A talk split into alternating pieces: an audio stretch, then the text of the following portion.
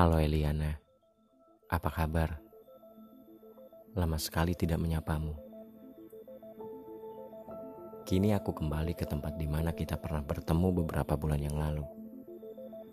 Tetapi kau tidak perlu mengkhawatirkan keadaanku saat ini. Meskipun aku tahu, bahkan kau sama sekali tak pernah peduli terhadapku sedikit pun. Bahkan semua yang aku lakukan tak pernah ternilai sama sekali tapi tak apa. Aku sama sekali tidak peduli dengan semua penilaianmu. Dan aku tidak berharap belas kasihan darimu. Aku hanya ingin mengenang ini sendirian. Tanpa pernah melibatkan kehadiranmu. Tanpa pernah mengharapkan lagi kau kembali menemaniku saat ini. Aku ingin menceritakan sedikit perjalananku di masa-masa sulit di mana aku harus terpaksa berdiri di tengah kelumpuhan, dipaksa berjalan tanpa arah dan tujuan, dipaksa tangguh dalam keadaan rapuh, dipaksa bangkit dalam keadaan sulit, dipaksa bahagia dalam keadaan tak berdaya. Yang harus kau ketahui adalah aku tengah merayakan kehilanganmu dan menikmati patah hatiku. Keduanya begitu berkaitan, tetapi aku lebih memilih untuk merayakan dan menikmati keduanya. Sebab kehilangan adalah bagian dari hidup yang sama sekali tak bisa terhindarkan, bahkan untuk semua makhluk yang tinggal di bumi. Aku pernah membayangkan jika di kemudian hari aku dan kamu bersama. Eliana, jelas aku akan sangat bahagia. Tetapi aku tidak bisa menjamin kamu juga akan bahagia jika denganku. Aku seperti tak yakin dengan hatiku yang bisa selalu membahagiakanmu setiap saat. Seperti yang lelaki itu berikan kepadamu. Aku takut. Barangkali aku hilaf dan tak sengaja melukai hatimu yang lembut itu. Lalu pada akhirnya, aku mulai setuju dengan takdir. Aku memanglah bukan pria yang baik untuk wanita selembut kamu. Di setiap jeda kesibukanku, aku selalu menengadah, membisikkan namamu ke langit hanya agar kau selalu dijaganya dengan baik, dirawat dan dibahagiakan hatinya. Eliana, diam-diam kau adalah manusia asing yang selalu kuharapkan bahagianya. Entahlah, Aku seperti manusia yang paling takut mendengar kau merasakan kecewa. Meskipun aku tahu kekecewaan itu pasti ada. Sebab manusia memiliki jatah untuk jatuh.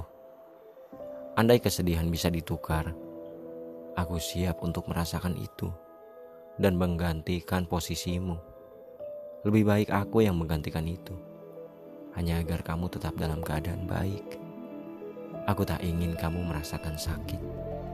Aku tak ingin kamu merasakan kepahitan.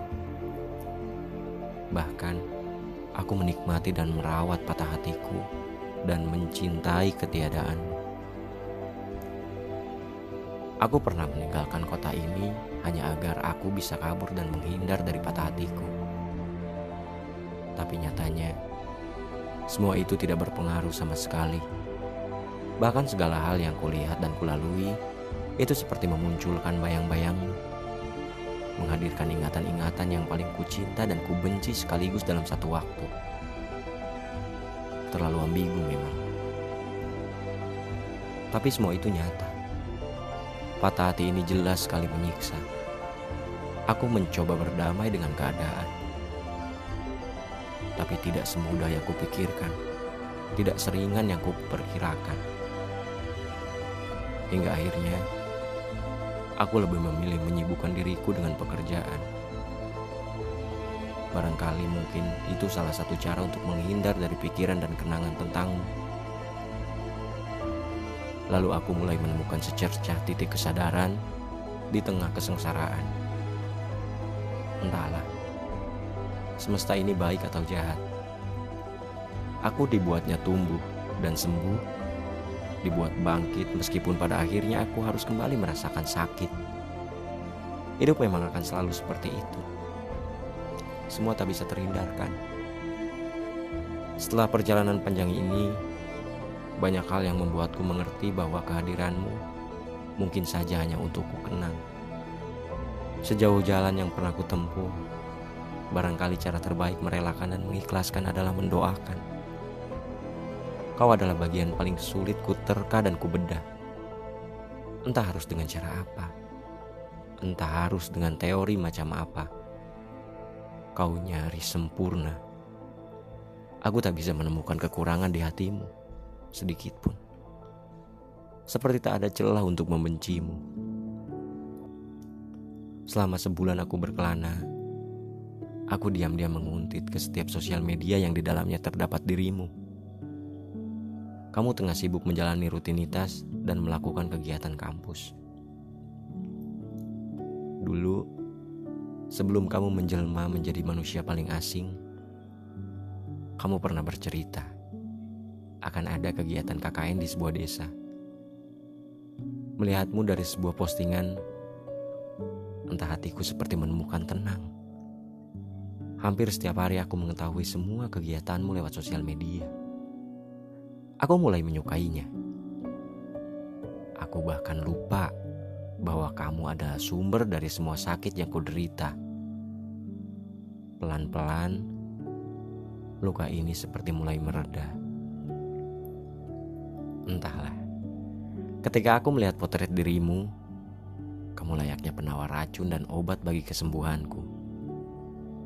Barangkali salahku adalah meminumnya tanpa aturan dan dengan dosis yang terlalu banyak.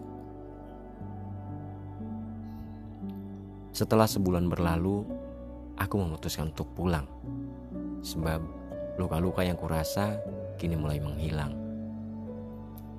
Dan hari ini aku memberanikan diri menyambangi tempat di mana dulu kita pernah bertemu. Ya, di depan minimarket. Suasananya masih sama seperti biasa. Berisik dengan suara kendaraan yang lalu lalang, juga manusia yang sibuk dengan urusannya masing-masing.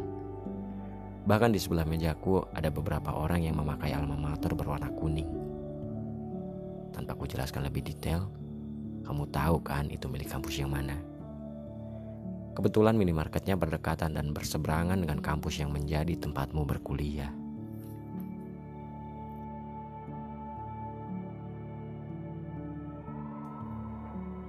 Eliana, andai saja aku memiliki kesempatan dan permintaan untuk terakhir kalinya, aku mau meminta 15 menit saja untuk melihat mata dan senyum di wajahmu. Dan di 15 menit tersebut aku ingin memberikan cintaku sepenuhnya kepadamu di 15 menit itu. Hanya agar kau tahu sebesar dan sepenuh itu perasaanku kepadamu.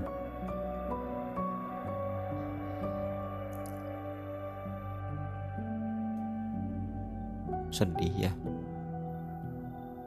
Tapi apa mau dikata? Barangkali ini yang terbaik untuk kita, terlebih untukmu. Aku tidak pernah menyalahkanmu atas segala kesedihan dan keresahanku ini, atas segala luka-luka yang kuderita dan terima. Sebab harapan itu aku sendiri yang membangun. Satu-satunya yang bisa kusalahkan adalah waktu. Kenapa waktu membiarkan kita bersama dan menumbuhkan rasa, lalu pada akhirnya menyingkirkanku juga. Eliana, selama kejadian ini berlangsung dan tepatnya sampai pada saat ini, aku minta maaf atas semua ucapanku atau kata-kataku yang mungkin tak sengaja melukai perasaanmu. Meskipun kau tak pernah ada reaksi, karena mungkin saja kita tidak pernah lagi berinteraksi banyak sekali pertanyaan dan pernyataan yang sebenarnya ingin kusampaikan. Tapi mungkin akan lebih baik jika dipendam bungkam dan diurungkan. Walau kita tidak pernah lagi bertukar kabar, tidak lagi saling menyapa dan berbagi tawa, tidak akan pernah lagi bertatap dan berbagi cerita. Tetapi Eliana, kamu akan tetap menjadi manusia yang paling ingin aku ajak segalanya, terutama soal bahagia. Permintaanku yang terakhir, Eliana. Jika suatu saat kamu mendengarkan ini, izinkan aku menjadikanmu bayang-bayang yang selalu ku kenang sebagai patah hati yang mampu kunikmati dan kucintai. Terima kasih Eliana. Semoga bahagia selalu ada di setiap perjalanan yang kau pijak. Tetap sehat, cantik, dan tumbuh menjadi manusia yang lebih baik. Kali ini, aku pulang membawa rasa tenang, sebab tak ada lagi yang bisa kujadikan alasan untuk bersedih. Perkara cinta memang rumit ya. Perbedaan sudut pandang sering menjadi konflik. Tetapi, semua kembali kepada keputusannya masing-masing. Seperti yang Eliana lakukan.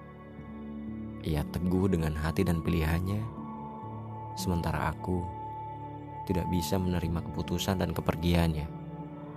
Aku lebih memilih menjadi egois karena tidak rela ditinggalkan oleh cintanya. Aku terus mengingat hingga aku lupa bahwa Eliana sudah tiada.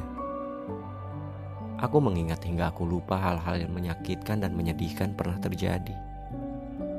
Aku mengingat hingga semua kenangan tentang Eliana berganti sendiri dengan kenangan lain yang entah lebih sedih atau justru lebih bahagia.